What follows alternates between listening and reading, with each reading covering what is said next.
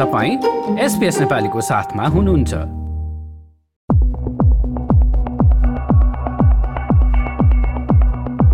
यस हप्ताका प्रमुख समाचारमा विशेष अदालतले सिक्टा सिँचाइ परियोजनामा भ्रष्टाचार गरेको अभियोग लागेका एक्काइसजना मानिसलाई सफाई दिएको छ। राष्ट्रिय गौरवका आयोजना मध्येको सिक्टा सिँचाइ परियोजना परीक्षणका क्रममा थुप्रै पटक भत्किसकेको छ र यसको निर्माण नै पूरा हुन सकेको छैन। निर्माण व्यवसाय समेत रहेका भूतपूर्व मन्त्री विक्रम पाण्डे र अन्य बिसजनामाथि अख्तियार दुरुपयोग अनुसन्धान आयोगले यस परियोजनामा कमर्सल सामग्री प्रयोग गरेर भ्रष्टाचार गरेको आरोप लगाएको थियो। तर आरोपित सबैलाई विशेष अदालतले निर्दोष करार गरेपछि अदालतको छवि धमिलिएको छ। अदालतप्रति सर्वसाधारणको विश्वास घटाउने अर्को पनि घटना यस हप्ता भएको छ। जिल्ला अदालतका एकजना न्यायाधीश र एकजना अधिवक्ताका बीचमा घुस लिएर व्यवसायी इच्छाराज तामाङलाई छोड्ने विषयमा भएको कुराकानीको अडियो सञ्चार माध्यममा सार्वजनिक भएको छ। कुराकानीमा अधिवक्ता रुद्र पोखरेलले न्यायाधीश राजकुमार कोइरालालाई दस करोड घुस लिएर भ्रष्टाचारका आरोपी व्यवसायी तामाङलाई धरौटीमा छोडिदिने प्रस्ताव गरेको सुनिन्छ। यस्तो अडियोले न्यायालयमा भइरहने भ्रष्टाचारको एउटा उदाहरण दिएको धेरैको भनाइ छ। नेपालमा मनसुन सुरु भएर यस हप्ता थुप्रै ठाउँमा भारी वर्षा भएको छ। मनसुन साबिकभन्दा केही दिन अगाडि नै सुरु भएको छ।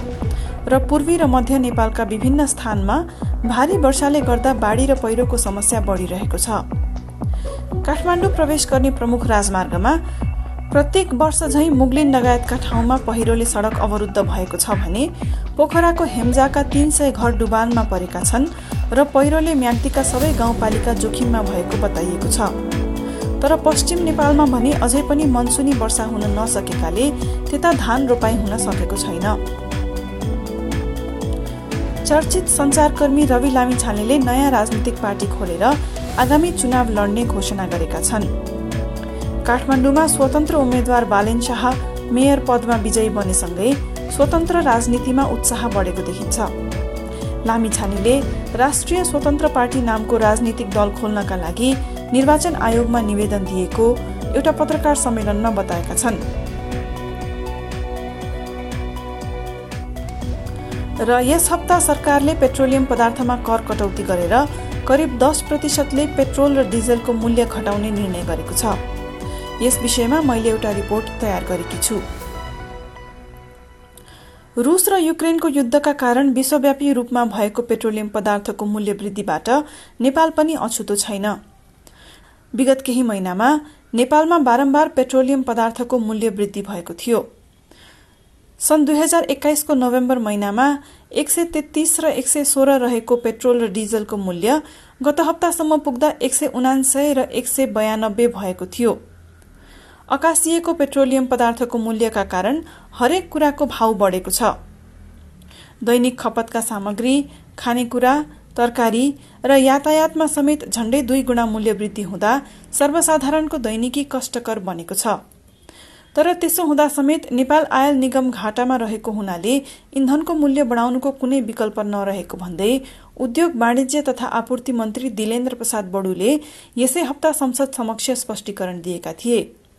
मूल्य बढ्नुभन्दा पहिलेको स्थितिमा प्रति लिटर पेट्रोलमा करिब रु एकतिस रुपियाँ अठाइस पैसा डिजेलमा करिब सैतिस रुपियाँ सोह्र पैसा र हवाई इन्धनमा दुई रुपियाँ सत्तरी पैसा घाटा र एलपी ग्यासमा प्रति सिलिन्डर सात सय एकाउन्न रुपियाँ घाटा हुने अवस्था रही।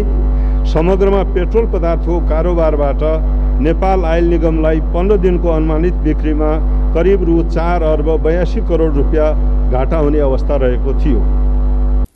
पेट्रोलियम पदार्थको मूल्य वृद्धिका विरूद्धमा देशभर विभिन्न प्रदर्शनहरू भइरहेका छन्। सरकारले मितव्ययिताका लागि आइतबार सरकारी कार्यालयहरू विदा दिन थाले तापनि त्यो निर्णय अव्यवहारिक देखिएपछि यसै जुनको पन्ध्र तारिकदेखि खारेज गरिएको छ। यसै क्रममा सर्वसाधारणले भोगिरहेको शास्ति र मूल्यवृद्धि विरूद्धका बढ्दो प्रदर्शनहरूलाई सम्बोधन गर्दै सरकारले पेट्रोल र डिजलको मूल्य बीस र एक्काइस रुपियाँ प्रति लिटर घटाउने निर्णय गरेको छ। ती पदार्थमा लाग्ने कर कटौती गरेर मूल्य घटाइएको मन्त्री बडुले बताएका छन्। बढी मारमा परेको अवस्था डिजल र पेट्रोलमा लागिरहेको जुन ट्याक्स छ त्यसलाई हामीले अहिले पेट्रोल एक सय उनान्सय रुपियाँ छ त्यसलाई घटाएर एक सय उनासी गर्ने बिस रुपियाँ त्यसमा ट्याक्स घटाइएको छ। र डिजेलमा एक सय बयानब्बे अहिले वर्तमान अवस्था छ त्यसलाई हामीले एक सय त्रिसठीमा पुर्याएका छौँ जसमा अठाइस रुपियाँ घटेको छ। आइतबारदेखि लागू हुने यो नयाँ मूल्यमा सर्वसाधारणले केही राहत अनुभव गर्ने अपेक्षा गरिएको छ। तर यो नयाँ मूल्य पनि आम नेपालीका लागि धेरै नै महँगो रहेको छ। भूपरिवेष्ठित मुलुक नेपाल इन्धनका लागि भारतमा निर्भर रहेकाले पनि यस्ता समस्या बारम्बार आइरहने हुनाले इन्धनका लागि भारतको विकल्प खोज्ने सुझाव पनि संसदमा दिइएको छ। तर समस्या भएका बेलामा मात्र यस्ता सुझावहरू दिइने र समस्या समाधान भएपछि त्यो मुद्दा सेलाएर जाने गरेको नेपालमा देखिन्छ। एसबीएस नेपालीका लागि काठमाडौँबाट सेवा भट्टराई। लाइक र कमेन्ट गर्नुहोस्। एसपिएस नेपालीलाई फेसबुकमा साथ दिनुहोस्।